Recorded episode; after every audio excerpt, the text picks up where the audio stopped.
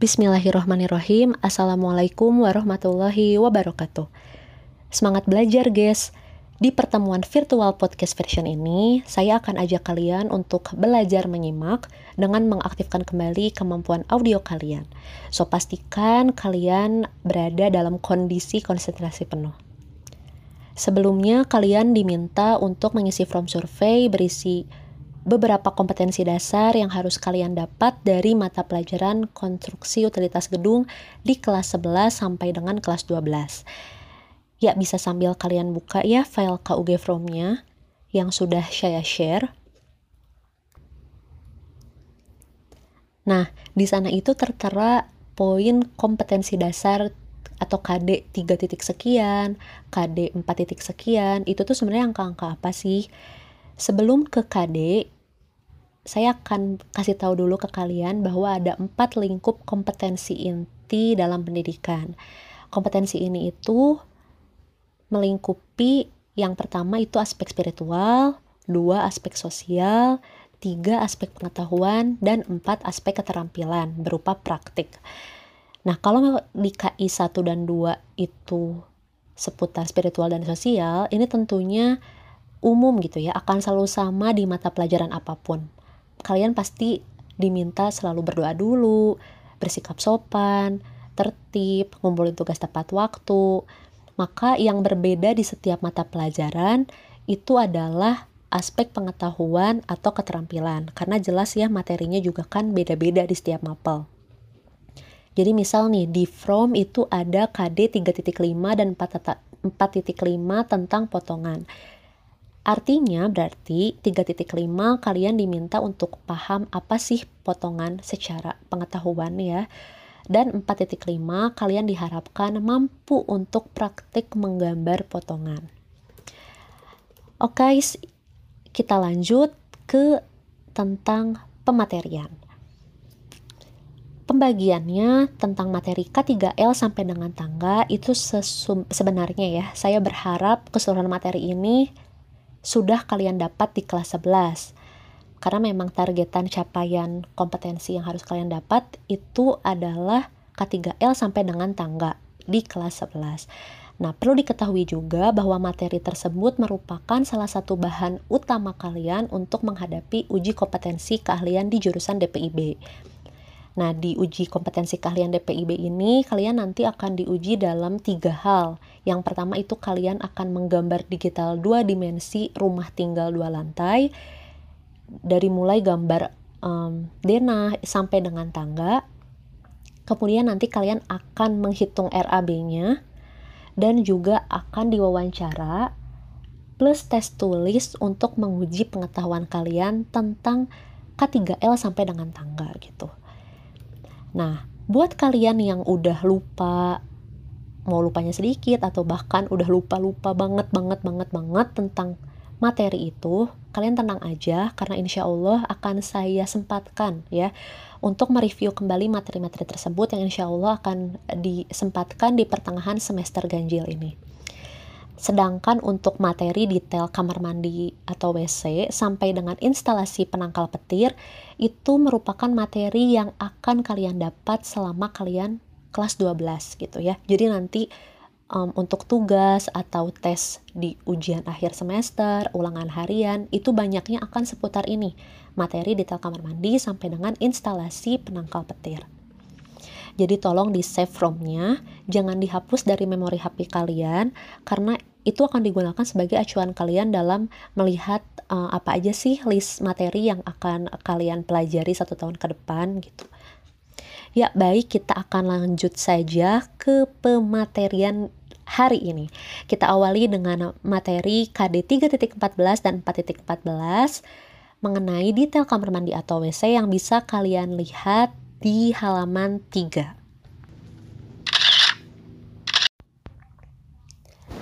Sip, di sini kita sudah melihat ya pada KD 3.14 dan 4.14 tentang detail kamar mandi atau WC itu ada dua materi inti yang akan dibahas. Nah, dari dua materi inti ini kita mengenal istilah fixture. Fixture itu apa sih gitu ya? Mungkin beberapa di antara kalian masih asing dengan istilah ini. Fixture itu adalah istilah yang kita gunakan um, dalam menyebutkan utilitas yang digunakan. Nah, kalau misalnya yang biasa kita gunakan itu adalah furnitur ya furnitur itu kayak sofa, kursi, meja, kayak gitu-gitu, lemari. Nah, itu furnitur. Tapi untuk istilah di utilitas itu istilahnya fixture. Perbedaannya apa sih gitu ya? Fixture, fix itu artinya tetap ya, nggak berubah, pancet gitu ya. Nah, ini tuh untuk sesuatu yang um, nggak bisa dipindah-pindah, jadi udah fix. Contoh kayak pasang kloset itu kan udah fix. Pasang keran itu udah fix. Nggak bisa dipindah-pindah kecuali dibongkar dirusak gitu ya. Nah berbeda dengan furnitur. Kalau furnitur itu masih bisa kita rubah-rubah ya. Kita kita rubah-rubah posisinya. Bisa kita pindahin sesuai dengan mood dan lain-lain gitu ya maka istilah di sini yang kita gunakan untuk kamar mandi itu atau utilitas itu pasti kita pakainya istilah fixture Oke, kita akan bahas per poin-poin dari setiap inti materi. Materi inti yang pertama itu tentang human dimension atau standar ergonomis fixture. Ada enam poin yang akan saya paparkan. Yang pertama itu adalah pintu, kedua elevasi kamar mandi, poin ketiga tentang tinggi keramik dinding, keempat kemiringan lantai kamar mandi, Kemudian yang kelima adalah tata letak bak mandi atau sumber air atau jet spray. Dan yang keenam itu tata letak WC atau water closet. Poin yang pertama itu tentang standar ergonomis pintu. Lebar minimal pintu kamar mandi yang digunakan itu minimal harus 60 cm dengan bahan pintunya itu harus tahan air. Nah, biasanya material ideal yang digunakan untuk pintu kamar mandi adalah bahan jersey. Jarang sekali menggunakan pintu kayu kecuali kalau kayunya itu dilapisi bahan tahan air. Poin kedua yaitu tentang elevasi kamar mandi. Kalau kita mau masuk kamar mandi, setelah buka pintu, kita pasti merasakan lantai elevasi kamar mandi itu selalu turun dan itu selalu turun dan turunnya itu standarnya itu adalah 3 sampai dengan 5 cm. Tujuannya apa sih? Agar air tidak luber keluar. Nah, perlu kalian tekankan juga standar-standar ergonomis ini tentunya nggak asal enak aja gitu ya. Yang penting nyaman deh gitu. Tidak memikirkan itu saja tetapi uh, dipikirkan juga logika utilitasnya seperti air tidak luber keluar, ya udah maka elevasi kamar mandinya dibuat lebih rendah daripada elevasi lantai ruangan lain. Gitu. Poin ketiga ini tentang tinggi keramik dinding. Nah, tinggi keramik dinding ini disesuaikan dengan tinggi rata-rata manusia saat berdiri. Kenapa? Jadi saat kalian mandi, pas kalian ngeguyur air pakai gayung atau misalnya kalian pakai shower, cipratan airnya itu yang jadi pertimbangan akan merusak dinding. Makanya benar-benar highly recommended untuk kalian menggunakan keramik dinding. Dan ketinggian tinggi keramik dinding ini yaitu karena kita orang Asia pakai rata-rata manusia Asia saat berdiri sekitar 150 sampai dengan 165 cm. Poin keempat itu ke tentang kemiringan lantai kamar mandi yang mengarah ke lubang pembuangan air atau istilahnya itu drainase atau floor drain. Nah, ternyata nih khusus lantai kamar mandi atau area basah seperti tempat cuci jemur pakaian, terus um, seperti balkon ya, balkon itu ternyata lantainya tidak sedatar itu harus ada kemiringan. Tujuannya apa? Agar aliran air itu mengalir lancar ke lubang pembuangan. Dan berapakah kemiringannya? Kemiringannya itu minimal harus 2 sampai 3% atau diartikan sebagai setiap 1 meter menuju floor drain itu harus ada beda ketinggian 2 sampai 3 cm elevasinya. Jadi ini berlaku banget buat yang di rumahnya mungkin area cuci bajunya pakai rooftop alias dak beton ataupun yang kamarnya di lantai atas terus punya balkon. Nah, area ba lantai balkonnya itu harus ada kemiringan. Kebayang kalau hujan ke balkon, airnya tuh menggenang gitu ya. Padahal air tuh harusnya segera dialirkan ke aliran drainase itu. Oke, poin kelima di sini ada tata letak bak mandi atau sumber air atau jet spray. Ini harus selalu di sebelah kanan pada umumnya, tanpa bermaksud mendiskriminasikan yang kidal. Karena kita mem, ini ya memperhatikan adab ketika kita ombe gitu ya, mau kidal ataupun enggak ombe kan pakai tangan kiri tuh. Jadi untuk mengambil air bersih pasti kita menggunakan tangan kanan. Ya. Kecuali kalau mungkin yang kidal tetap ingin meletakkan sumber airnya di kiri itu dikhususkan untuk dia saja yang mangga gitu ya kamar mandi pribadi.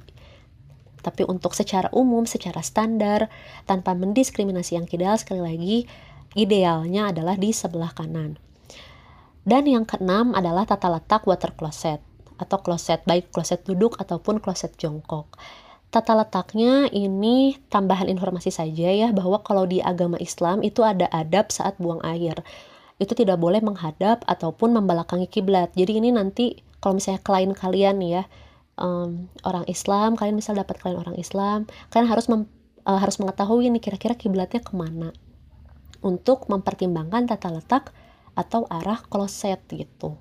Ya. Sip, setelah poin satu tentang human dimension berkaitan dengan fixture sudah saya paparkan, mari kita lanjut ke materi inti yang kedua tentang fixture-fixture yang digunakan di dalam kamar mandi atau WC. Apa aja sih? Di sana ada floor drain ya, terus ada keran air, terus umumnya pasti ada water closet, mau jongkok ataupun duduk.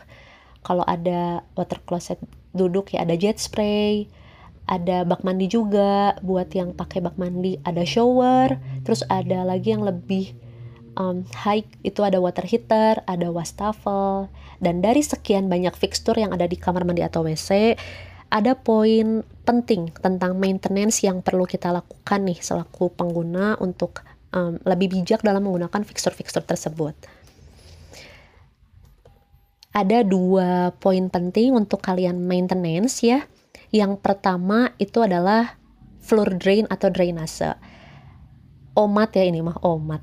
Nah, Flooding atau drainase itu hanya untuk pembuangan air sabun saja yang bersifat basah bukan asam. Jadi kalian jangan sampai um, buang air kecil di situ gitu ya. Hayo nih di sini siapa yang suka buang air kecil saking buru-burunya kalian lebih milih di lantai air area kamar mandi daripada di kloset. Nah, itu tolong dihindari untuk tidak melakukan itu lagi gitu ya. Terus poin kedua selanjutnya yaitu adalah tentang water closet salurannya harus kalian ingat bahwa salurannya itu menuju ke septic tank. Dan kalian harus tahu juga di dalam septic tank itu berisi bakteri yang memakan kotoran kalian agar diproses menjadi lumpur. Suka ada gening mobil sedot WC nih ya. Kalau di kalau kloset kalian lagi mampet. Nah, yang disedotnya tuh bukan um, klosetnya kan, tapi septic tanknya. Dan kalau udah penuh cenayah disedotnya teh. Dan yang perlu kalian tahu juga, yang disedot dari septic tank itu bukan kotoran kita, tapi lumpur dari hasil bakteri yang memakan kotoran kita. Fakta yang harus kalian ketahui, septic tank itu idealnya dibuat untuk mampu menampung kotoran penghuni selama minimal 10 tahun tanpa sedot WC. Ya, jadi harusnya sih 10 tahun tuh nggak ada istilah mampet gitu ya. Karena kita nyikapinnya dengan bijak Nah, sikap bijak kita itu berupa tidak membunuh bakteri yang ada di septic tank dengan membuang air sabun di kloset. Jadi untuk kalian ini uh, saya menginformasikan sesuatu yang bukan hal yang jijik ya. Ini um, menjaga kebersihan dengan bijak. Jadi kalian bisa ombeh dulu tanpa sabun waktu pas kalian di kloset ya. Atau kalau misalnya kalian pakai jet spray itu kan ya udah ombeh aja dulu di situ. Baru nanti kalian pindah tempat di lantai area mandi kalian untuk ombeh ulang pakai sabun gitu. Ya ini um, salah satu cara bijak kalian buat kalian yang ngeluh, aduh dikit-dikit di rumah saya klosetnya sering mampet dan lain-lain, kalian bisa pakai cara ini. Usai sudah pembahasan materi kita tentang detail kamar mandi atau WC, semoga kita semua bisa lebih bijak lagi dalam menjaga kebersihan. Sekian dari saya, tetap sehat dan semangat. See you on the next lesson. Wassalamualaikum warahmatullahi wabarakatuh.